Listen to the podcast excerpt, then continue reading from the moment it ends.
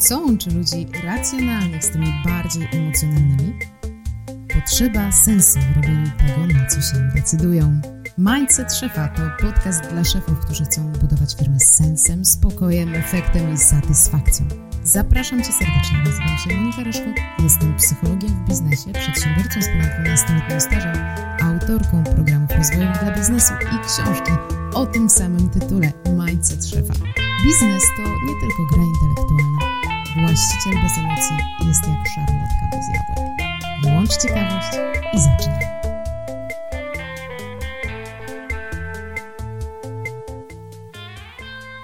Cześć, witam Cię serdecznie w kolejnym odcinku podcastu Mindset Szefa.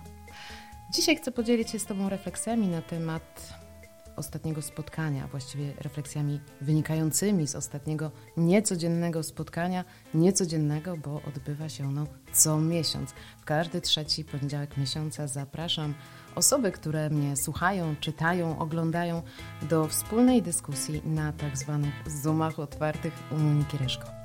Ostatnie spotkanie przebiegło nam w gronie właścicieli, menedżerów, bo właśnie szefowie, którzy prowadzą swoje firmy, prowadzą zespoły, spotykają się na tym wydarzeniu comiesięcznym i dzielimy się refleksjami, doświadczeniami na temat e, takich codziennych radości, wyzwań i smutków e, szefów. Ostatnie spotkanie dotyczyło tego, jak nauczyć innych ze sobą współpracować, jak dotrzeć do głów naszych współpracowników, aby tam zaświtała jasność, czego my właściwie od nich oczekujemy.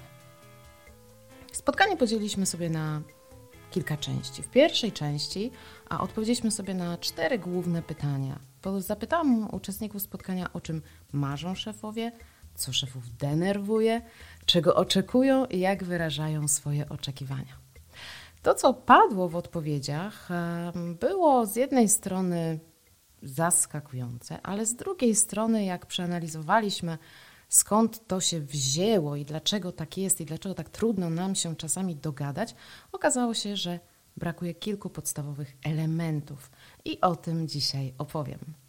Zatem o czym marzą szefowie? Wielu szefów marzy oczywiście o idealnym zespole, o samodzielnych podwładnych, o nieszablonowych wręcz pracownikach, o dobrze zorganizowanym i zaangażowanym zespole, o odpowiedzialności, tak, o realizacji wspólnej misji, no i idealnych wręcz priorytetach.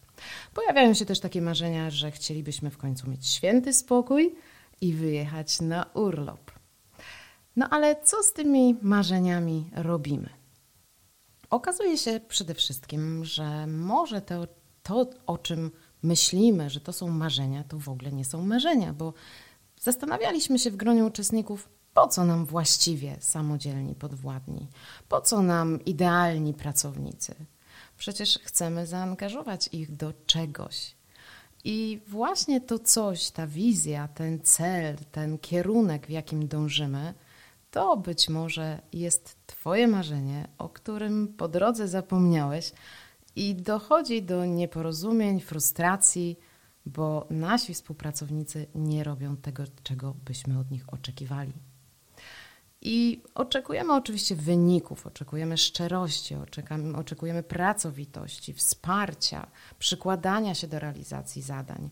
A wręcz niektórzy mówią, że dyspozycyjności pełnej, a może nawet w weekendy aby nasi współpracownicy myśleli spoza pudełka i mogłabym tak dalej wymieniać e, tą pracowitość, lojalność i osiąganie założonych celów bardzo długo, bo tych odpowiedzi było bardzo dużo. Natomiast znowu, jeżeli wrócimy do tych marzeń, chcesz mieć samodzielny zespół, na pewno to jest Twoje marzenie, to w co mają ci ludzie się zaangażować? Jak mają te cele, które są niejasne, realizować? Jak mają być kreatywni, skoro nie wiedzą, dokąd zmierzają? I to w bardzo prosty sposób pokazało, jak mylimy nasze marzenia, plany, cele z tym, co byśmy chcieli dostać od ludzi. Więc być może chcesz wsparcia, być może chcesz uznania, być może chcesz docenienia, obecności innych ludzi w tym, co ty chcesz robić. Ale punkt podstawowy, wartość kluczowa, musisz wiedzieć, do czego ich zapraszasz.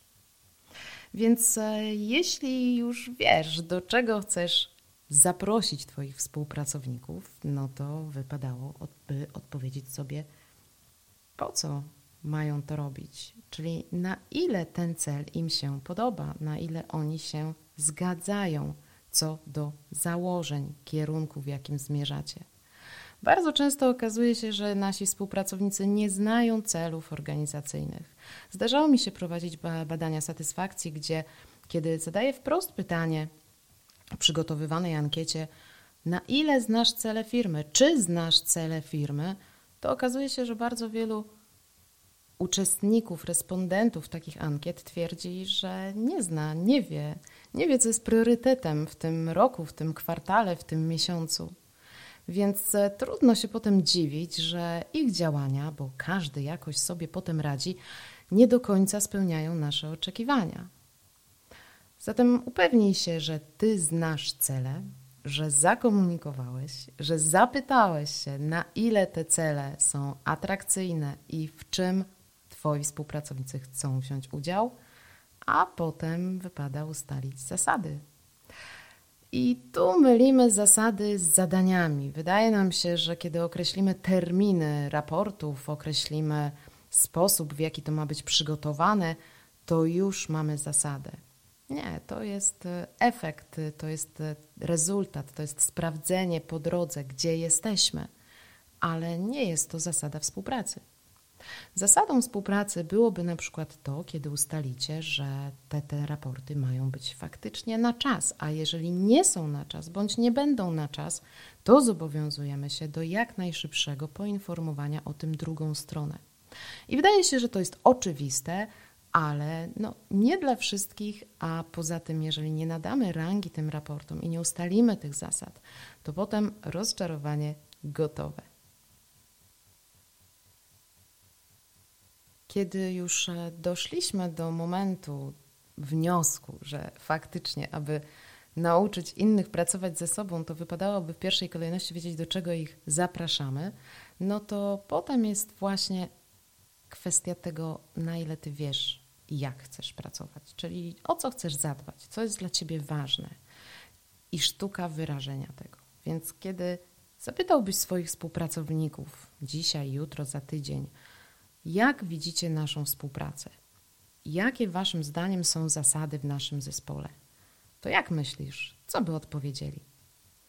I tu spora dyskusja z, zrodziła się odnośnie właśnie tego w jaki sposób te oczekiwania wyrażamy ponieważ nie są one do końca sprecyzowane, nie mamy ich jasno określonych, że ważne jest dla nas zaufanie, że ważna jest dla nas terminowość, że ważna jest dla nas um, szczerość i, i, i otwartość w dyskusji, i ponieważ potem sami tego nie robimy, to okazuje się, że nasze oczekiwania wyrażane są w formie krzyku, niejasnych wytycznych, a jakiegoś wyrażania niezadowolenia, potem w poczuciu winy wprost wręcz Zastanawiam się, jak przeprosić tych naszych współpracowników, bo przecież zachowaliśmy się niezgodnie z tym, co sami byśmy chcieli. A problem zaczął się w momencie, kiedy nie wyraziłeś tego, czego oczekujesz. Więc kiedy wiesz, co macie robić, to zastanów się, na jakich zasadach chcecie oprzeć Waszą współpracę, czego faktycznie oczekujesz. Upewnij się, że Twoi współpracownicy rozumieją i podzielają Twoje wartości. Wtedy każdy monitoring postępu, każda rozmowa jeden na jeden, każdy feedback będzie dużo, dużo łatwiejszy i przyjemniejszy, bo będziecie krążyć wokół celu, a nie tego, jak ktoś się zachowuje. I był jeszcze jeden wątek, który wzbudził emocje, tak zwane lenistwo. Oczywiście na początku sporo osób e, twierdziło, że no tak, no ludzie są leniwi, po prostu nam się nie chce pracować, a z drugiej strony to całkiem fajnie, że są leniwi, bo wtedy sobie usprawniamy życie. Ja stanęłam trochę w kontrze do tych e, przekonań i powiedziałam, że w moim odczuciu, w moim rozumieniu tego, czym jest motywacja, właściwie to lenistwo nie istnieje. Albo mnie coś kręci i chcę to robić, albo nie jest to dla mnie ważne. Więc jeżeli masz w swoim gronie współpracowników, których podejrzewasz o to, że się nie angażują, bądź ich to nie kręci, bądź nie sprawia im przyjemności to, co robią, to przede wszystkim najpierw sprawdź, czy czasami się nie mylisz, bo przyczyna tego, co ty postrzegasz jako brak zaangażowania, może być zupełnie inna. Jeśli zapytasz Twoich współpracowników, każdego z osobna bądź wszystkich razem, co widzą wartościowego dla siebie w tej pracy, które zadania sprawiają im największą przyjemność, co konkretnie motywuje ich do pracy, to potem możesz zweryfikować, gdzie jest luka pomiędzy tym, co ich kręci, a sposobem, w jaki mogą to wykonywać. I być może właśnie tu a sławetne zasady i sławetny sposób komunikowania wymagałby małego sprostowania, uzupełnienia bądź uspójnienia. No i jeszcze oczywiście kwestia tego, że jeżeli masz, obserwujesz w swoim zespole postawy swoich współpracowników, które absolutnie są dla ciebie nie do zaakceptowania, absolutnie masz poczucie, że tej danej konkretnej osobie ani nie zdelegujesz, ani nie zaufasz, to zadam jedno konkretne, bardzo prowokacyjne pytanie. Co zatem taka osoba w ogóle robi w Twoim zespole? I kiedy sprawdzisz, zastanowisz się, zwizualizujesz sobie, wyobrazisz, bądź spiszesz na kartce imiona, nazwiska, stanowiska wszystkich osób, z którymi współpracujesz, pomyśl tak faktycznie, z którą z nich masz jasne zasady współpracy, z którą działacie na zasadzie domyślmy się, z którą wiesz, że powie tobie wprost, co się dzieje, a z którą wypadałoby trochę więcej czasu na spotkanie poświęcić.